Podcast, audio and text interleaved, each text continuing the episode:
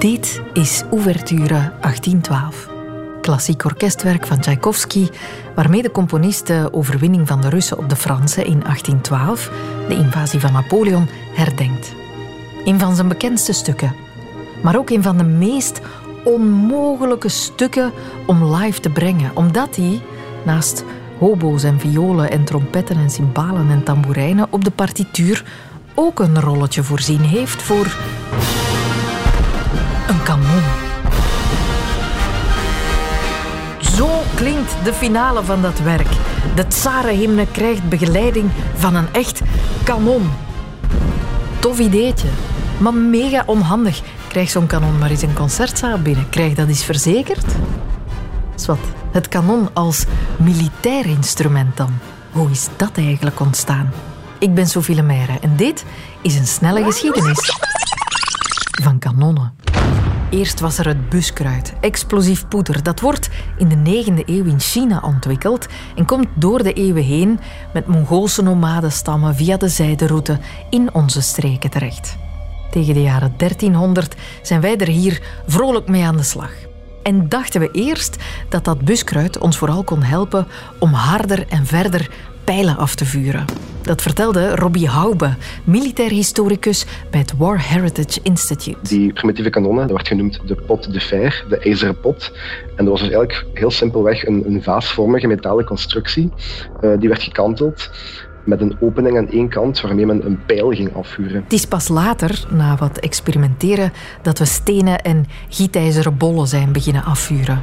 De geschiedenis van de kanonnen is er een van constante innovatie. Ja. En van trial and error. In het begin waren dat eigenlijk enorm rudimentaire wapens die haast even gevaarlijk waren voor de gebruiker dan voor de vijand. De smelttechnieken van ijzer stonden nog niet echt op punt. Die kanonnen die hadden soms barstjes, dus je had quasi evenveel kans om jezelf op te blazen als de vijand. De beschermheilige van die vroege artilleristen, dus die vroegere kanoniers, was dan ook Sint Barbara, die waakt over de gevaarlijke beroepen. Dus zo gevaarlijk uh, werd het geacht om een, een kanonier te zijn. Maar de motivatie om de ontwikkeling van die kanonnen verder te zetten is groot, want al snel merkt men dat de impact van die kanonnen ook groot is.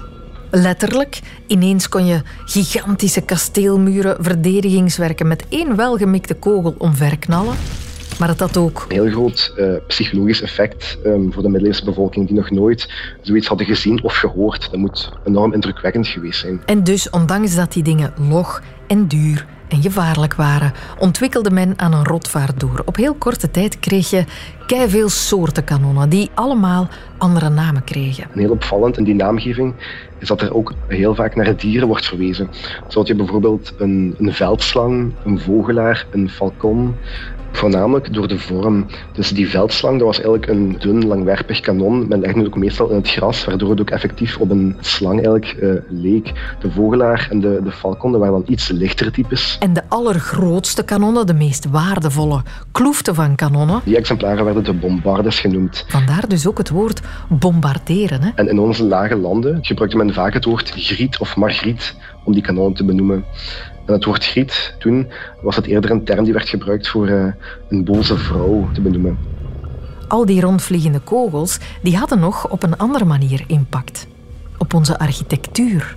Want ineens stelde men vast dat een kasteelmuur geen bescherming meer bood en dus moest men anders gaan bouwen. En zo ontstonden geometrische forten, bastions, citadellen met hoeken en schuine muren om beter weerstand te bieden tegen dat zware geschut.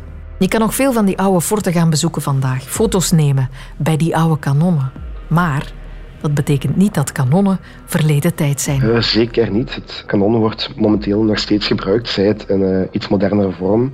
Maar de essentie van een kanon zelf, met het buskruid, het, de primitieve elementen van een kanon, die blijven eigenlijk hetzelfde. Het enige wat er is bijgekomen is een moderne manier van richten, de afstand berekenen, de calculaties van het projectiel en dergelijke.